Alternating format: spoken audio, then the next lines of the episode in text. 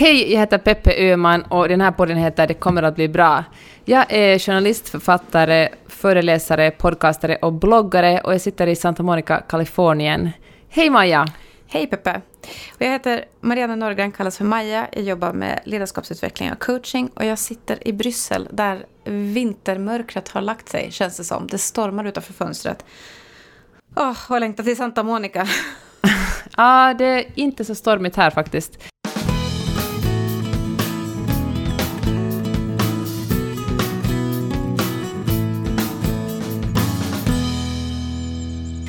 Men det sa du innan vi började spela in att du kände dig så på något sätt orkeslös nu när nu den här mörka perioden börjar.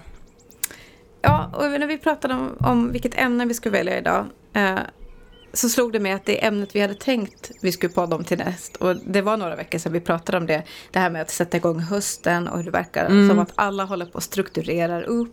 Och med väldigt liksom, energiskt rensar saker och plats för det nya och sådär. Det känns totalt inaktuellt just nu. Jag vet inte hur du känner, men... Nej, men jag håller verkligen med dig. Att börja blicka framåt och strukturera upp livet känns som ett eh, otroligt ambitiöst mål. Jag tänker att, att den här tiden på året så fokuserar man ju bäst bara på att överleva och klara sig. Exakt, survival mode. Ja, och jag har också tänkt Okej, det här kommer att låta, det kommer att säga mycket om mig som person, men i morse läste jag att Samir Badran, som är alltså en före detta Paradise Hotel-deltagare och stor... Äh, men barnen älskar honom. Han har gjort en musikkarriär sen i Sverige okay. i flera år efter det. Och, och äh, nej, men kidsen älskar honom och turnerar runt och han ut och sa att han är utbränd. Mm. Att, han, att han får panik när han, när han är... Speciellt när han är ensam. Klarar han, klarar, han klarar inte av att sova och han har liksom hör dåligt och hans han, han ser dåligt och är på väg... Ja, men han sa att det är otroligt obehagligt, han måste ha en paus nu. Och då tänkte jag på två saker. För det första, såklart, gud vad tråkigt, fan vad synd det är att unga människor tar ut sig sådär. Och, och jag, men jag, samtidigt förstår jag det, för vi lever i ett prestationssamhälle där man blir ständigt belönad för att uh, för att göra mycket saker och hinna med mycket och, och prest, ja, men prestera mycket. Mm. Tänk också på mig själv när folk har sagt åh, hinner du skriva böcker? Nu kommer du ut med en bok igen. Och gud vad det känns bra att säga det, mm. när man får vara sådär, ja, jag är ju otroligt produktiv mm. och duktig och snabb och det ena och det andra. Alltså, när man gör sådana saker så får man ju, ja men folk tycker, folk säger sånt man vill höra och det mm. gör att man fortsätter på den banan. Säkert att vi triggar ju varandra också. Liksom. Det här klassiska att med hur är läget? Så det är ju standardsvar i dessa tider. Ah, det är så mycket på jobbet, är det så mycket med barn, ja. det är så mycket. Att det är mycket, mycket, mycket stress, stress, stress. Livet snurrar på så snabbt. Uh, att vi, vi bekräftar varandra i det konstant. Och du säger inte att det inte är så, men jag vet inte att gör vi oss själva en stor otjänst med att det är det vi lyfter upp hela tiden.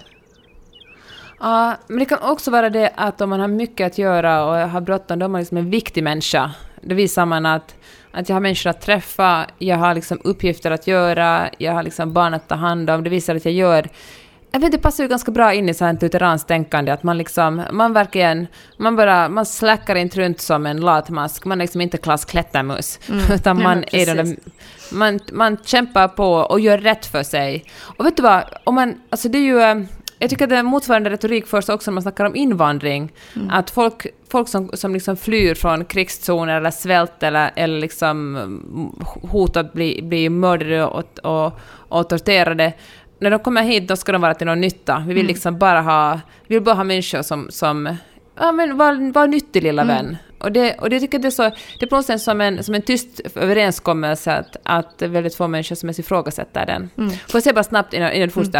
Mm. Jag sa att det är två saker som jag kan tänka på det här med Samir. En annan sak jag kan tänka på honom är det att gud vad skönt att en ung man går ut och mm. säger att han håller på att bli utbränd. Det är ja. som sagt otroligt tråkigt att, att han är det. Men jag känner också att, den, att uh, att män, liksom på något sätt, man, man, man, den här maskulinitetsnormen så det är ännu svårare för män att visa att de är svaga och säga att jag orkar inte mer, det här blir för mycket för mig. Mm. Jag tror att män liksom tar till andra lösningar, typ alkohol eller mm. droger eller fan vet jag, men innan de knäcks fullständigt. Sen kanske en annan orsak, gud vilken monolog jag har, jag hörde du bara dra efter andan och försöka säga någonting, jag bara kör på som... Och så fortsätter jag ändå, jag bara säga en sak. Sen tänker jag faktiskt också att, eh, jag säger inte att män inte jobbar mycket, men, jag, men traditionellt så är det kvinnor som sköter det oavlönade jobbet vid sidan om sina förvärvsarbeten. Mm. Så när männen kommer hem sjunker ju deras stressnivåer, alltså folk som lever i heterosexuella liksom, kärnfamiljsparförhållanden, medan kvinnor kommer hem från jobbet, då stiger deras stressnivåer, för då börjar liksom skift nummer två, det oavlönade mm. skiftet. Jag talade med en kompis idag, eh, och hon hade varit på en föreläsning om, om, om stressrelaterad problematik i helgen, hon, det var första gången jag hörde det här uttrycket att, att att det tydligen när, när män går i väggen då talar man om burnout medan när kvinnor går i väggen så talar man om utmattning. Ah, intressant! För det är ju också, då liksom, äh, men burnout har med arbete att göra och det här viktiga, det här viktiga arbetet som du har kört hela in i väggen. Medan när kvinnor, ofta utmattning eh, oftare kommer, har jag förstått, att det oftare är, kommer från privatlivet i kombination mm. med arbetslivet. Så då är det utmattning. Vet du, det är helt annan, helt annan energi i de två orden. Vilka, ja men så, alltså ord, de orden vi använder har ju enorm betydelse för det skapar ju vår verklighet. Av burnout, det är liksom man har brunnit för någonting. Mm. Det är liksom man har varit stark och, och liksom mm. åh, och nu, och, man brinner, och man brinner just nu. Mm. Medan utmattningen är sådär att åh, är du trött lilla vän? Ja. Mm. Så intressant. Vad kom hon på det här, kom hon med några lösningar då eller för, liksom, finns det någon, uh, lärde du dig någonting hur man ska ta itu med det här?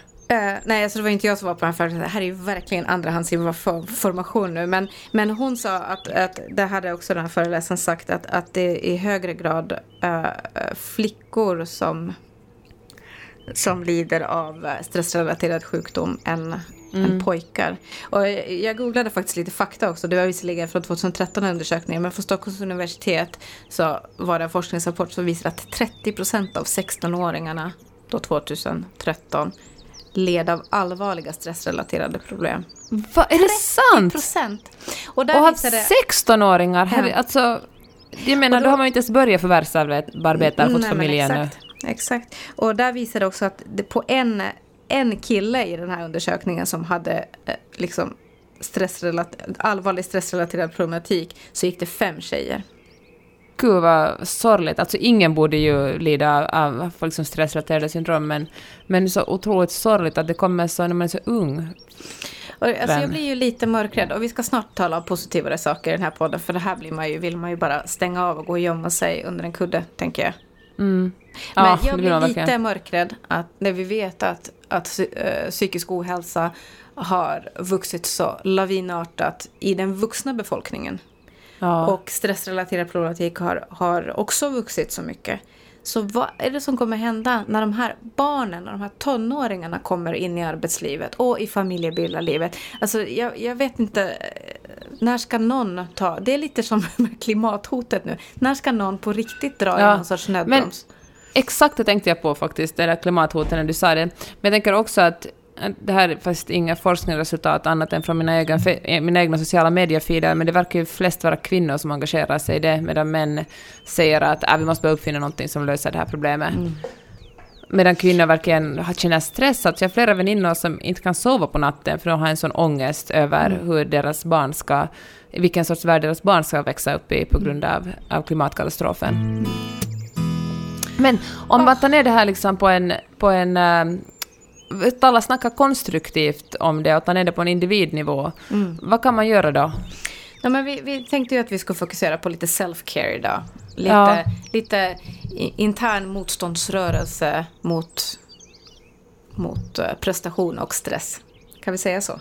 Ja, det låter mycket bra, den interna motståndsrörelsen. Mm. Så vad, hur, hur tar du hand om dig själv?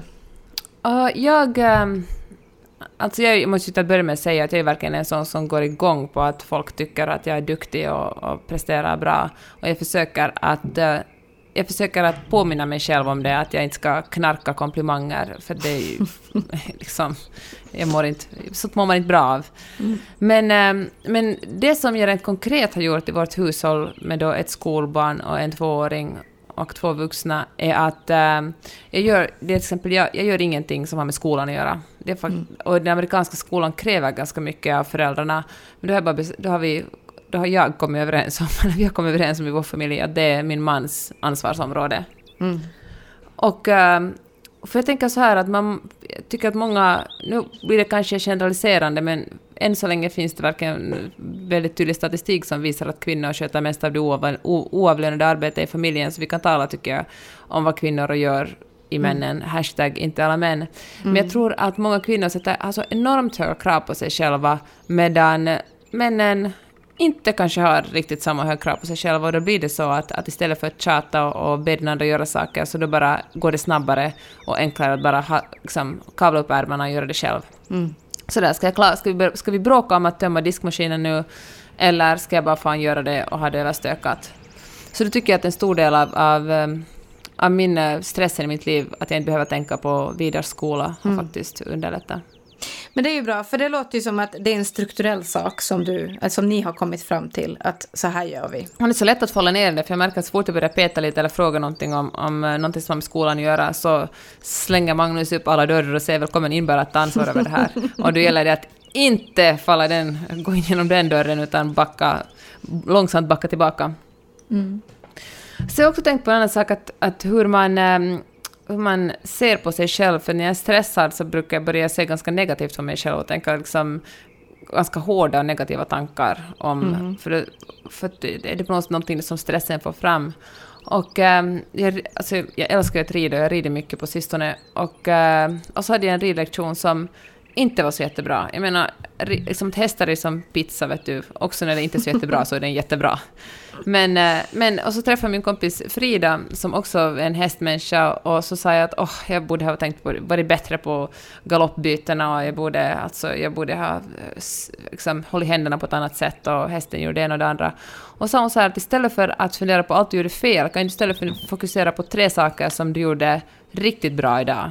Mm. Och jag tänkte att det var en, en ganska bra det var en ganska bra, ett bra, väldigt enkelt tips som jag har försökt ta med mig till andra områden i livet också. Att fundera på tre saker som jag var riktigt duktig på istället på allt som tre saker som jag var dålig på. Det är jättebra, för det är enkelt nog att få det gjort. Ja, för man vill ju inte heller liksom att, att self-caren ska bli ytterligare ett stressmoment. Exakt, eller en prestation. Ja, men precis. Men du, alltså, hur, ska man, hur gör du då för att inte liksom, för att prestera mindre? Ja, men jag tänker ju att, att, att det är bra med strukturer och där handlar det ju ganska mycket om vanor. Jag, jag drog en, en, en workshop om vanor förra veckan här i Bryssel och, och det var en av tjejerna som var med så en av de vanor som hon hade jobbat med redan var att byta ut, eller eliminera ordet busy ur hennes vokabulär. Jaha. För att när hon märkte att, att det är ett sånt ord som hon använder konstant vet du, när hon talar med andra människor. Och hon tyckte liksom att det ordet hjälper inte henne Nej. Det gör inte henne lugnare eller kreativare eller trevligare eller intressantare för de hon talar med. Så hon Nej. beslöt sig för att eh, eliminera. Det här var nu en helt en parentes. Men, men jag tror att, att, att eller jag jobbar mycket med eh, strukturer, alltså vanor som, som är relaterade också till self-care. Att det inte bara vanor som handlar om prestation utan väldigt mycket av de vanor jag jobbar med är just för att att se till att jag har balans. Och min, det största motivator för mig är ju att när jag jobbar med klienter, där de här sakerna kommer upp hela tiden. Att den här mm. balansen mellan livet och jobbet och, och att ta hand om sig själv och prioritera sig själv och sin hälsa. Jag kan inte leva enligt det om det är det jag vill att mina klienter ska ta på allvar. Mm, intressant, men det stämmer ju faktiskt. Och typexemplet på det här är då förra veckan när jag skulle hålla den här workshopen. Och jag hade lite kanske prokrastinerat en aning mm. sådär. Mm. Jag var redo men jag var inte helt redo. Det var liksom några timmar där som saknades ja. i det sista dygnet. Och, och då hade jag bokat yoga på torsdag morgon för det, det gör jag på torsdag morgon. Och då skulle ju det normala vara då att men jag hinner ju inte gå på yoga för jag ska ju dra den här workshopen ikväll. Men då gick jag på yoga. Därför jag vet att jag kan inte gå dit och vara ärlig och säga att Nej, men det är viktigt med vanor och det är viktigt med vanor som får en att må bra, bla bla. Men jag skiter i mina yogapass när jag får bråttom. Ja. Ja, så jag gick på yogan. Däremot hann jag inte äta lunch. så att jag, är liksom, ja. jag är inte helt i mål. Men, men medveten om att det krävs strukturer som håller också sen när det blir bråttom. Men hör du, kan du ge några tips om, kring det du sa på, på den där workshopen du drog då? Hur sätter man en vana? Hur, hur, liksom, hur får du dig själv att gå på yoga varje, morgon, eh, varje torsdag morgon? Alltså det är ju... Eh, där ska man ju gå in och titta på hur, alltså var man ska göra hur man ska göra det, med vem man ska göra vilken tid man ska göra det. Och göra det så enkelt så att det inte finns några frågetecken om när den här vanan ska ske. Att istället för att säga att jag ska gå på yoga och det ska bli min nya vana. Mm. Så ska man säga att jag ska gå på yoga på tisdagar klockan tre. Eller fredagar ja, klockan nio. Att man är så konkret som möjligt. Exakt var, med vilken frekvens och så vidare. Och sen uh, vår husgud Mikael Dahlén, han, han, uh, han tror ju på att nöta in vanor på, på kort tid. Medan andra mm. kanske tänker att nej, under en månads tid ska man försöka upprepa. Han, han gick ju all in med sina vanor.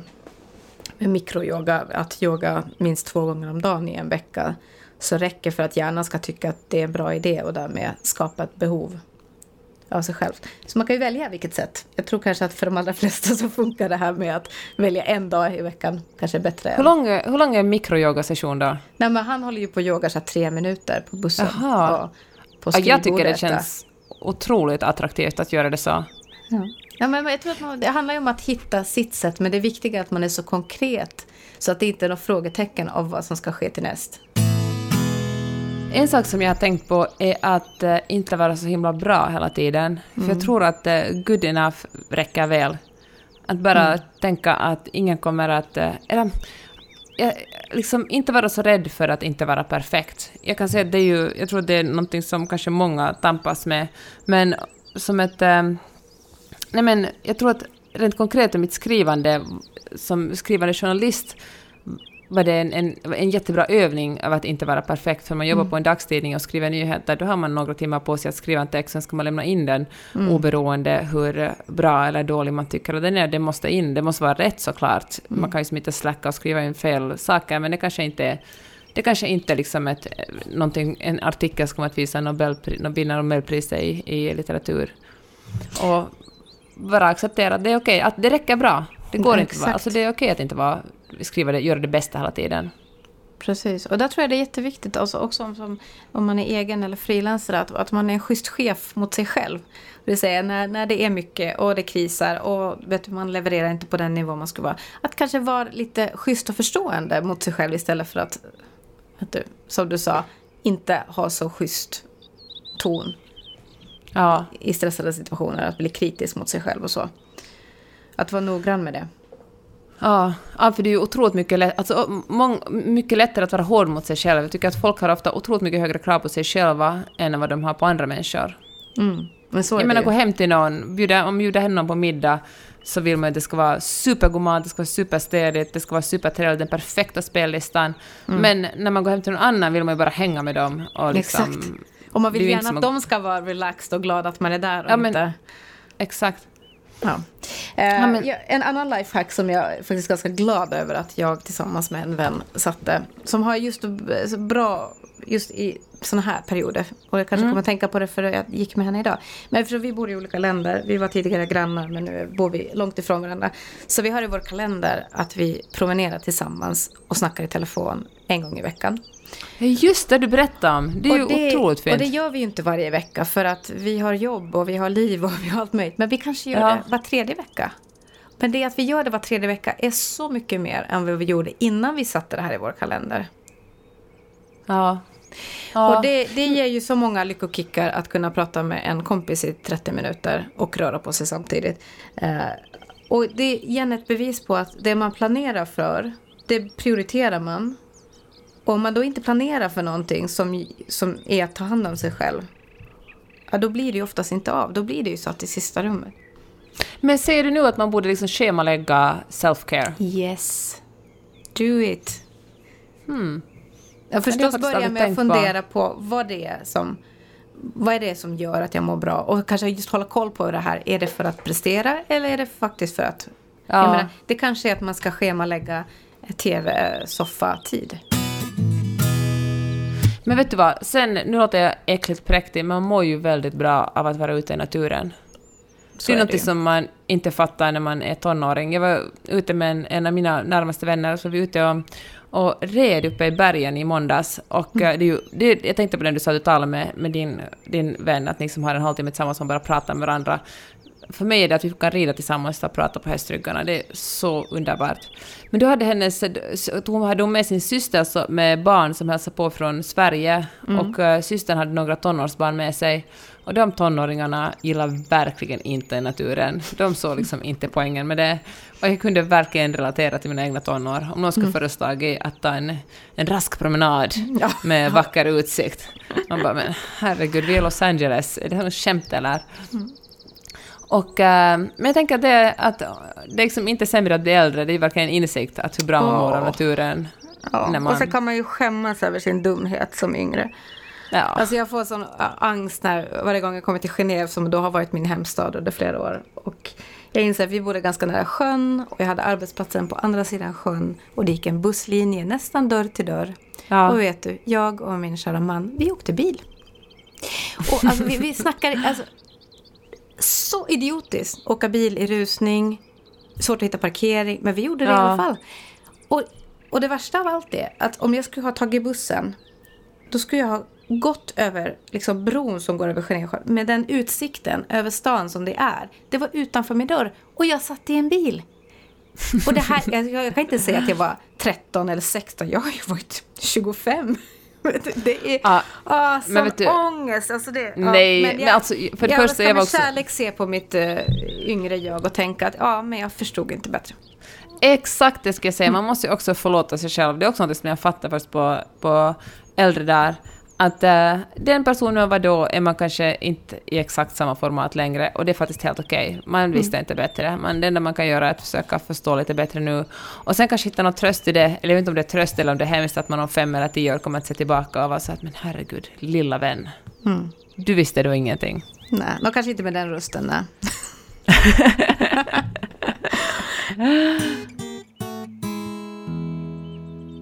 Hör du, vi, vi håller ju på med Friday Lab nu, vårt lilla, eller lilla, lilla, vårt... Uh, vårt vad ska Vår vi kalla kurs. Vår kurs Vår... online. Men det jag kommer att tänka på är det här med att man går omkring och känner sig lite missnöjd. Uh, det kan man ju göra ibland. Mm. Uh, men där har vi jobbat mycket med att, att sätta ord på vad det är man skulle vilja ha egentligen. För att gå och titta mm. på vad det är man är missnöjd med idag. Och en övning de fick göra var ju att, att rita upp hur en perfekt morgon enligt mm, alla önskemål eh, skulle se ut. För att kunna titta på det och sen titta men vad är det jag redan har och vad är det jag faktiskt har makt att ändra på och sådär. Och jag tänker att det är mycket sånt man kan jobba med också. Att eh, rita upp ett önskat läge. Men hur ser en perfekt arbetsdag ut om jag själv fick bestämma? Eller hur ser en perfekt lördagsmorgon ut om jag själv fick bestämma? Och sen ta lite makten över där, där man har makt. För vi har ju en del makt om vi bara sätter oss ner och funderar. Alltså, Maja, det där är kanske min största aha-upplevelse genom både coachingen som du har gett mig och, eh, och, den här, och Friday Lab, är att när man formulerar någonting, och liksom vare sig det är ett problem eller en önskan eller en målsättning, man formulerar det så blir det så otroligt mycket lättare att hantera det och mm. konkretisera det. Alltså mm. det är då någonting börjar hända, det är då man liksom tar itu med problemen och förvandlar dem till icke-problem och börja nå sina mål. Det är så intressant det där. När man går och tänker hur abstrakta tankar är så länge de är inne i ens huvud, men så fort man är tvungen att, tvungen att sätta ner dem på papper eller, eller prata mm. om dem högt, så, blir det, så får de en helt annan form och på något mm. sätt mycket lättare att tackla. Precis, och det, det, det, roliga är ju att det tar ju inte ens så länge. Jag menar en sån övning tar kanske tio minuter att göra. Om man skulle ta tio minuter att få en inblick i hur jag skulle vilja att min morgon, varje morgon, skulle vara och du kan göra någon liten justering som kanske handlar bara om att ja, förbereda frukost kvällen före eller skita i att äta frukost kan ju vara. Vet du, mm. Att jag bestämmer att jag äter inte frukost. Eller att kliva upp en kvart tidigare eller senare. Eller, vet du, någonting litet som har en inverkan på min morgon varje dag. Då är det ju värt de där tio minuterna, tänker jag. Ja, men lätt. Och jag älskar ju också sådana här lätta lösningar. Man vill ju, det är ju så otroligt skönt med snabba och enkla lösningar som kanske har en att man gör någonting, en liten justering, som sen i längden kanske har ganska stora, bra konsekvenser. Precis. En så kallad keystone habit. Jaha, det är så det heter? det är så habit. det heter när man hittar sådana vanor som, som det att man ändrar någonting litet gör att man ändrar någonting. Det var också på den här kursen, eller workshopen förra veckan, så var det en kvinna som gav exempel att, att hon hade bestämt att hon ska hon ska börja äta mindre. Hon ville börja äta mindre kött helt enkelt för, Ja. för klimatets skull. Och det att hon hade börjat äta mindre kött hade gjort att hon hade börjat titta på det kött hon köpte. Vad det var för någonting. Vet du, att hur det är uppvuxet. Mm. Ja. Och det hade sen lett till att hon hade liksom slutat äta kött helt och hållet. Som sen hade lett henne till att hon hade börjat titta mycket mer på matpriserna. Som hade lett henne till att hon hade börjat eh, göra budget sådär på största allmänhet. Och så att, att det här har också gått ganska snabbt. Men att det visar sig att, att hon hade ändrat väldigt många vanor på grund av den där första viljan Ja. att äta lite mindre kött. Och jag kan själv liksom se såna här eh, spin-off-reflexer. För Om man lyckas ändra på någon sån här keystone habit och som sen rullas ut och blir många andra saker. Det är ju ofta då man inser att ja, men det där jag gick och trodde om mig själv, det stämmer ju inte. Du, man kan, man kan Ja, släppa lite verkligen. sådana aktiviteter. Så jag märkte själv när jag stod i den här workshopen och höll den, det här var inte planerat, så pratade jag om en keystone habit jag själv hade liksom jobbat med. Så insåg jag att, att den här och den här och den här etiketten har jag gjort av med. Och en av dem var att jag är rädd för att tala inför grupp, sa jag då när jag stod där inför en grupp. Och Ah, så jag att- ironiskt. Ja, så ironiskt. För det var egentligen inte genomtänkt när jag insåg Men så är det ju. För så har jag tänkt att det är jag. Men nu är jag uppenbarligen inte det. Eftersom jag gör det och jag inte har någon som helst panik över det. Men vet du vad gör? Det där, Ja. Alltså, etiketter, det talar vi ju mycket om i Friday Lab också, eller har vi, vi har liksom en hel session kring det. Men jag tycker det måste vi spela in en helt egen podcast kring, för det är Ja, det ett måste vi tema som förtjänar en, vi en, eh, ett helt eget avsnitt, för det är så intressant tycker jag. Ja, det kommer vi tillbaka till. Men hör du, vad, du, det är visserligen bara morgon i Santa Monica, men har du tre saker du har gjort bra idag redan? Okej, vilken bra. Uh, igår kväll gjorde jag faktiskt uh, våffelsmet. Så i morse när jag vaknade och skulle laga frukost åt barnen, gud vilken amerikansk kvinna jag inser nu. alltså, då hade jag färdigt våffelsmet, så jag bara drog det i vår lilla våffel, i vårt lilla våffeljärn och, tada, frukost. Jag skulle gärna vilja äta frukost hemma hos dig. Tänk Ja. man skulle få eh, våfflor. Um, it's good to be vidare, Maj-Lis. ja, det hör du. Och, eh, men du är givetvis välkommen när som helst. Jag skulle älska att laga våfflor för dig. Tack. Eh, sen hade jag faktiskt, om man får säga det, så tycker jag var väldigt duktig på hästryggen i morse. Det var en, eh, det var en, en bra ridstund jag hade. Mm. Jättebra. Och en tredje sak som... eh, vet du vad, det är svårt att säga någonting som var bra på utan att göra det till en ren prestation. Ja. jag ska försöka hitta på någonting som... eh, Hmm. Hmm. Nej, vet du... Fan, det kan jag faktiskt bara komma på två saker. Okej, det är okej. Du var inte förberedd på den här frågan, så vi, vi köper det. Det kanske... Klockan är bara tolv här, så det kan... Ja, du det kan, hinner, det inte kan hända kommer en tredje grej. Ja. Mm. Själv då, i din dag? Vad, vad Ja, var det jag bra? funderade det? på det där eh, och jag tyckte att, att det första, mina barn är på höstlov den här veckan och då är det den här Ja. härliga kombinationen av att ja, jobba och ha lediga Ja. barn. Men jag kände ändå att de timmarna jag var med barnen i morse, så jag var faktiskt, eh, jag var faktiskt närvarande. Jag var inte på väg till jobbet utan jag, jag visste att nej, men jag sticker klockan tio. Så de där timmarna så var jag närvarande och det är jag glad för. Ehm, Sen var jag på, satt jag på kontoret och käkade lunch med, jag sitter på en coworking så det är alla möjliga olika sorters människor. Men jag satt på, på, i lunchrummet och lyssnade på två kollegor som talade om ett ämne där jag skulle kunna ha jättemassa input men jag fattade att vara tyst. Och vet du, alltså när man... eh, Alltså jag kan verkligen känna igen mig i det där. Att förstå att... Ah, gud vad... Mm. Så jag kom alltså, inte med någon input, jag gav inte någon råd. Och det var så himla tur för jag fick höra en så bra story. Vilket om jag, om jag skulle varit och blandat mig in som en deltagare i diskussionen, då Ja. den storyn skulle inte ha kommit. Så jag är jätteglad för det. Och det känns bra att nu vet jag att min hjärna fick en, en reward av att, att jag var tyst. Så kanske jag kommer vara det Ja. igen någon gång. Det kan hända. Eh, och sen, sen har jag coachat en massa idag. Och jag, jag kände att, att jag var en ganska bra coach idag faktiskt. Att jag vågade säga, frågasätta en grej. Som, men jag, Fan, det är bra. mitt jobb att göra det, men det är inte Ja. alltid så lätt. Så det, det kan jag förstå. över. Det där att man ständigt, ständigt träff, strävar efter att det ska vara bra stämning. Mm. Är liksom, det, I nio fall av tio är det ju liksom en bra egenskap. Att, att, men, eh, men så lever ju också en värld man, och vissa av oss har jobb, som då coachen och journalisten, där verkligen eh, det Mm. hör till ens yrkesbeskrivning att ifrågasätta. Precis.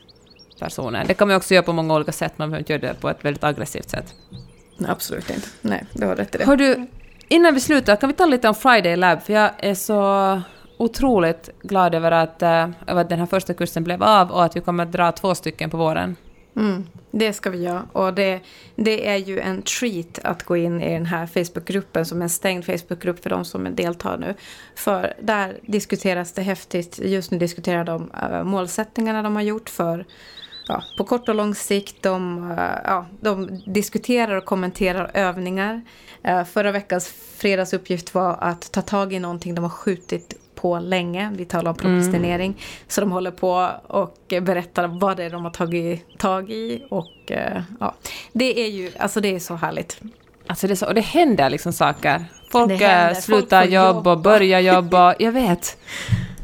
Ja, ja det är magiskt. upp eh, kunder och de gör det ena med det femte. Det är ja, mycket roligt. Men vi har öppnat nu för, eh, för um, anmälningar till vårens kurs och all info finns ju på fridaylab.se. Uh, lite om vad kursen innehåller, hur man gör för att anmäla sig och så vidare. Och uh, gällande den här podden så kommer den ut lite sporadiskt, men nu ska vi försöka, nu har vi några, vi har faktiskt flera avsnitt i pipen, så den här hösten kommer det att komma ut ett, skulle jag nästan säga, varannan vecka. Mm. Och då tycker jag att det ska vara superintressant om du som lyssnar har något ämne eller någon um, rubrik som du funderar på som du vill att vi ska diskutera här. Och uh, ja, men hör, av hör av dig med det i så fall. Vi finns på Instagram, det kommer att bli bra podden. Vi finns på Facebook, det kommer att bli bra. Och uh, Maja, vilk, vad är vår mailadress? Den är, det kommer att bli bra podden at gmail.com. Mycket enkelt. Mm. Så hör av dig. Gör det. Vi vill gärna ha input. Känner vi att vi är färdiga för idag, Peppe? Men jag tror det. Ja. Ska vi ta hand om oss själva lite? Jag ska lägga mig i soffan och läsa en bok, tänker jag. Jag ska äta en Lobster taco här ja, på gatan. men kom igen. ah, rub it in. Ah, ja, men vet du ja. vad? Nu kanske det är det jag ska unna mig själv i helgen att laga Lobster tacos. Gud vad Ja, gott. men det ska du göra. Ja. Och sen kan du, om, om du verkligen gör det vill jag att du lägger upp en bild på det kommer att bli bra på dens ja. Instagram. Ja, det får jag göra. Det gör jag. Det var fint att tala med dig Maja och uh, tack för att ni har lyssnat den här, också den här gången. Tack. Vi hörs snart. Hej då. Ha det gott. Hej.